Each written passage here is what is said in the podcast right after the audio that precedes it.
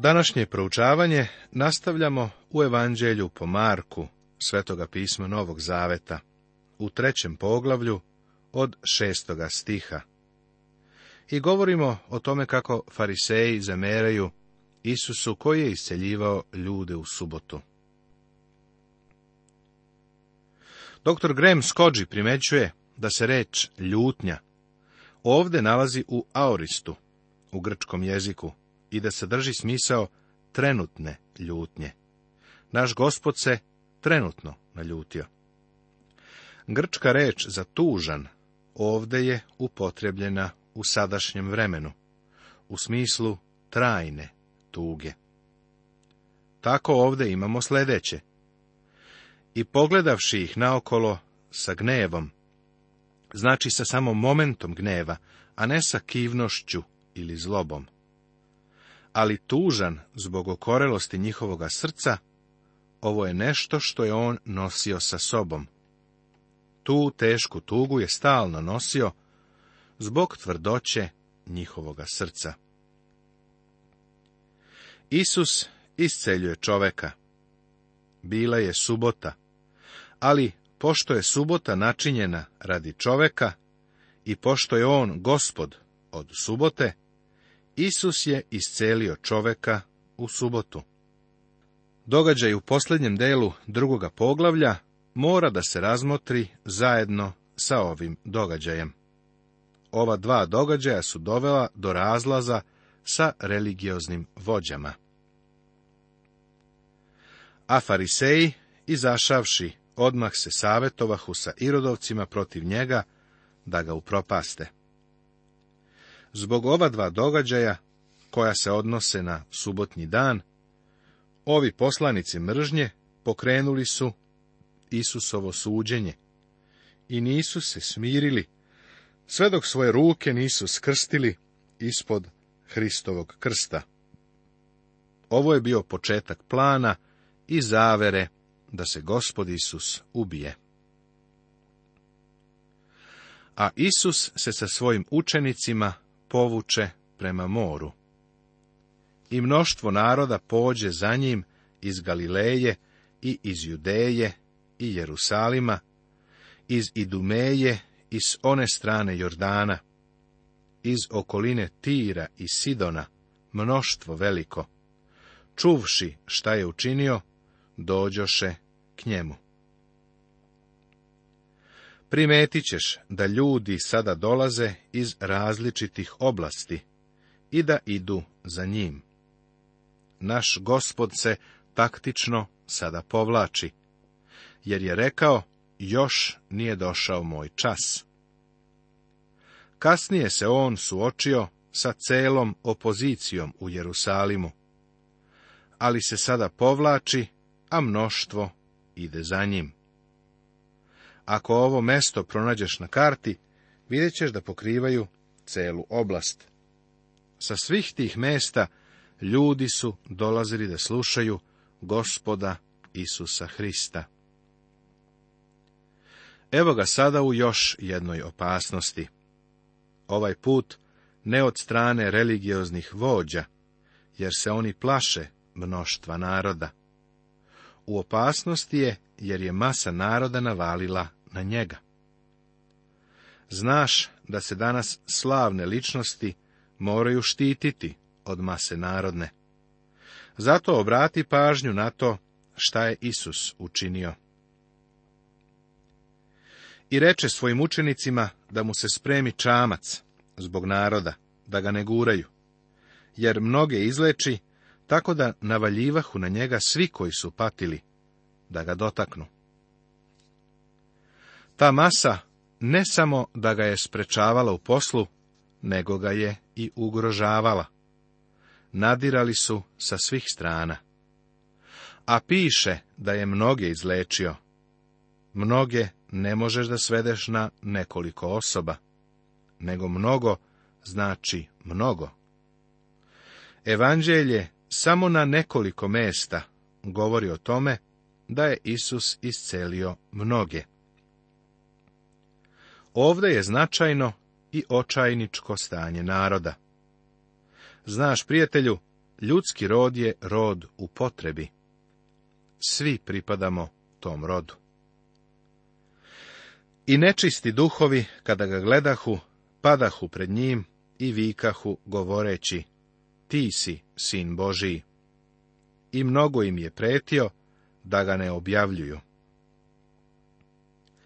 Sada vidimo da su ga nečisti duhovi priznali.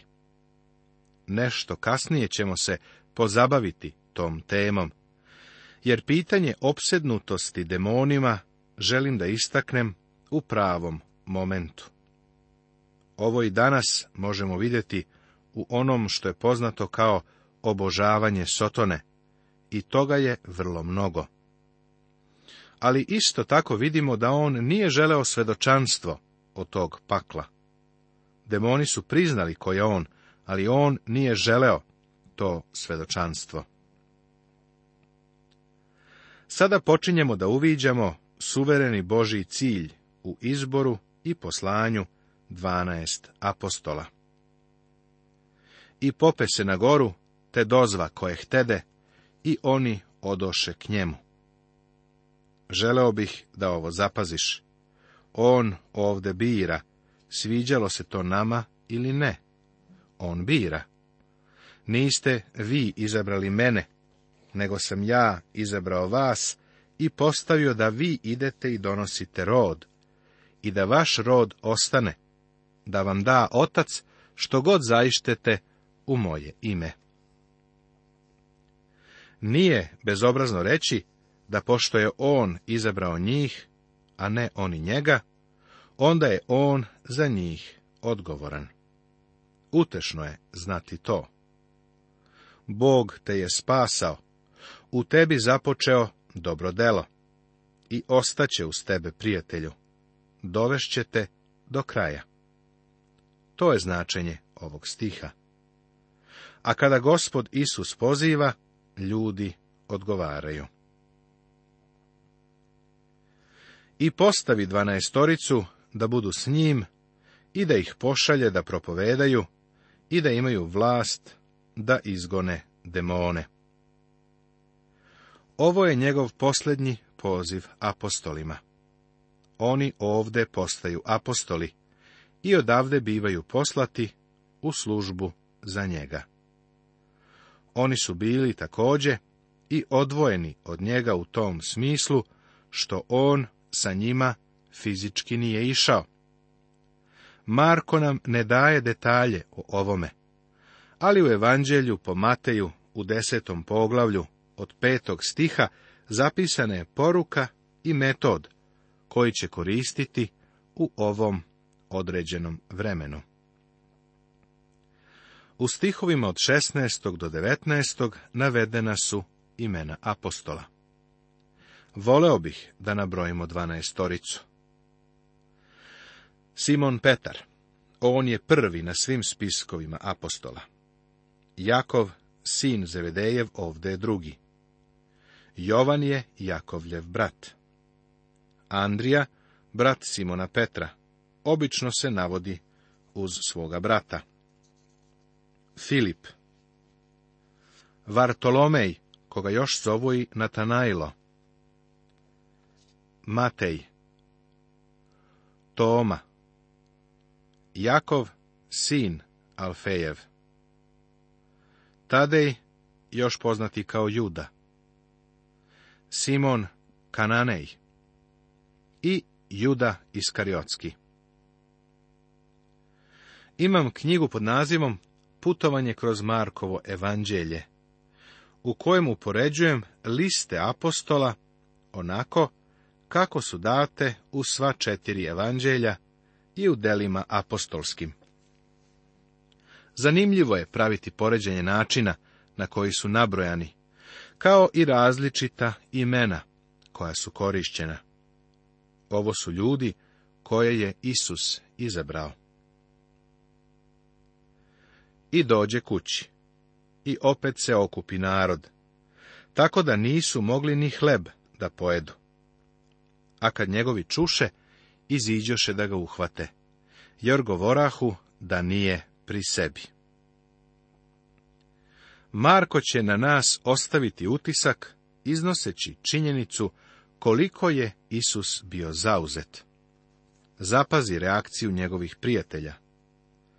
Ako čovek svoj život posveti nekoj plemenitoj, ali zemaljskoj stvari, svi mu aplaudiraju. Muzičar, atletičar, biznismen, umetnik, državnik. Svi oni koji se predaju svom poslu dobijaju priznanje za potpunu posvećenost tome što rade. Ali, ako se čovjek u potpunosti preda Bogu, smatraju ga fanatikom. Književnici pak, koji su došli iz Jerusalima, govorahu da ima Velzevula i da pomoću demonskog vladara izgoni demone. Velzevul je bilo pagansko božanstvo, kome su jevreji pripisivali nadmoć među zlim duhovima. I dozvavši ih, govoraš im u pričama. Kako može satana da izgoni satanu? I ako se neko carstvo podeli samo protiv sebe, to carstvo ne može da se održi. I ako se kuća protiv same sebe podeli, ta kuća ne može ostati. Iako je satana ustao protiv samoga sebe i podelio se, ne može ostati, nego mu je došao kraj. On jednostavno govori ovo. Demone ne može isterivati demonskom silom iz vrlo prostog razloga, a to je da bi se kuća podelila i ustala sama na sebe. Ali niko ne može da uđe u kuću jakoga i da pograbi njegovo pokućanstvo, ako prvo ne sveže Jakoga i tada opleni njegovu kuću. Prvo moraš da svežeš jakog čoveka, pre nego što mu pokradeš iz kuće. I ovde to važi. Gospod Isus ovo nije činio sotonskom silom, jer bi tada sam Sotona bio podeljen i okrenut protiv sebe. Zaista vam kažem, da će sinovima ljudskim biti oprošteni svi gresi i hule, koliko god hule.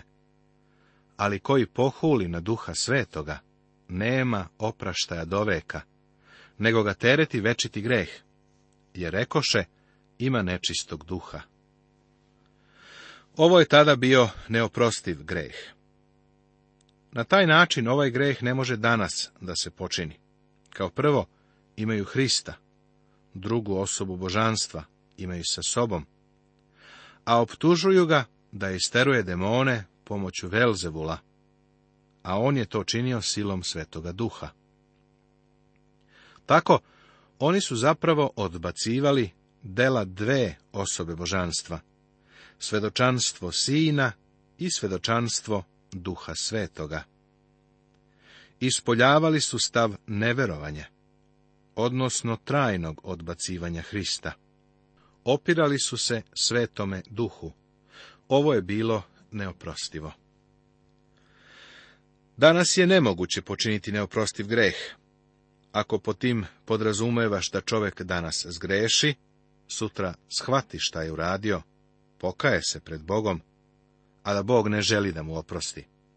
Vidiš, Hristos je umro za sve grehe, ne samo za neke nije umro za sve osim jednog greha, osim neoprostivog. Danas nije moguće počiniti greh koji on neće oprostiti. Ali kod vernika su neoprostivi stanje i stav, a ne čin i delo. Kada čovjek huli ustima, ne osuđuje ga to. Stav njegovog srca, trajno stanje tog srca ga osuđuje. Ukoliko čovjek ne prestane da se opire. Ovo je greh protiv Svetoga Duha. Opirati se delu Svetoga Duha, koji uverava i ubeđuje naše srce i život. I dođoše majka njegova i braća njegova, i stojeći na polju poslaše k njemu da ga zovu. A narod seđaše oko njega, te mu rekoše, vidi, tvoja majka i tvoja braća te na polju traže. I odgovorivši reče im, ko su majka moja i braća moja? I pogledavši naokolo one koji su sedeli oko njega, reče, gle, majka moja i braća moja, jer ko izvrši volju Božju, taj je brat moj i sestra i majka. Isusova polubraća, Jakov i Juda, obojica su napisali poslanice. Nikada nisu spomenuli da je Isus njihov polubrat. Vidiš, svako koji je u Hristu Isusu, bliski mu je nego što su u to vrijeme bili njegova fizička majka ili brat. Zato je on mogao da pogleda unaokolo i da kaže da su mu oni bliži rod, Bliski čak i od majke i braće. Suština je u tome da treba da budemo u pravom odnosu sa Bogom, kroz Isusa Hrista. Tako što ćemo Hrista primiti kao spasitelja, a to nam daje pravo da budemo sinovi Božiji. Prijatelju, to nas dovodi u divno, blisko zajedništvo sa njim. Poglavlje četvrto U ovom poglavlju Evanđelja po Marku, Svetoga pisma Novog Zaveta, nalazimo nekoliko parabola, a potom i čudo umirivanja bure. Sve ovo je bilo i u Matejevom Evanđelju, osim jedne parabole, koja je ovde navedena. To je i jedini deo koji ovo poglavlje čini drugačijim i istaknutim, kao što ćemo vidjeti. Prvo nailazimo na priču o sejaču, kao deklaraciju, izjavu, objavu. A potom imamo ekspoziciju, odnosno izlaganje priče o sejaču. Zatim slede druge priče, pa zatim i čudo. Na početku Markovog evanđelja Rekli smo da je ovo evanđelje akcije. Ipak, ovdje je akcenat na pričama sa samo jednim čudom. Ali zapazit ćeš da parabole koje Marko daje jesu parabole akcije. Svaka od njih je stvarno nešto uzbudljivo. Zato smo mi našu knjižicu naslovili Putovanje kroz Markovo evanđelje. I dalje je akcenat na akciji, čak i dok Marko iznosi parabole. I poče opet učiti kraj mora. I okupi se oko njega silan narod, tako da je ušao u čamac i sedeo na moru, a sav narod beše na zemlji kod mora. Mataj nam veoma naglašava baš ovo, jer kaže da je Isus izašao iz kuće i ušao u brod na moru. Ova akcija koju je zabeležio i Marko je vrlo simbolična. Jer kuća generalno ilustruje dom Izraelov, a mora predstavljaju neznabožačke narode. Njegova akcija pokazuje da se on okreće od svog naroda i ide ka svetu. Ovo u suštini predstavlja podlogu za parabole koje slede, pa ih treba sagledati u kontekstu globalnih prilika. Mislim da je ovo vrlo važno da ovde uvidimo. Usput da spomenem, ovo se desilo u jeku njegove službe. On je bio vrlo zauzet, pod pritiskom i bio je fizički umoran. U stvari, bio je tako umoran, kao što ćemo vidjeti u ovom poglavlju, da je zaspao u čamcu na moru. Zaspao je jer je bio umoran. I učaše ih mnogo u pričama i govoraše im u nauci svojoj. Korišćenje parabola kao načina proučavanja Isus je usvojio da bi ih podučio mnogim stvarima. U ovom momentu on je otprilike na pola puta kroz svoju trogodišnju službu. I pre je koristio izvesne simbolične ilustracije, kao kada je ženi kod bunara pričao o vodi života. Svojim učenicima je rekao da će od njih načiniti lovce ljudi, kao i da su polja zrela za žetvu. Također je govorio o soli, svetlu, temeljima na steni i pesku u propovedi na gori. Ali ovo nisu parabole.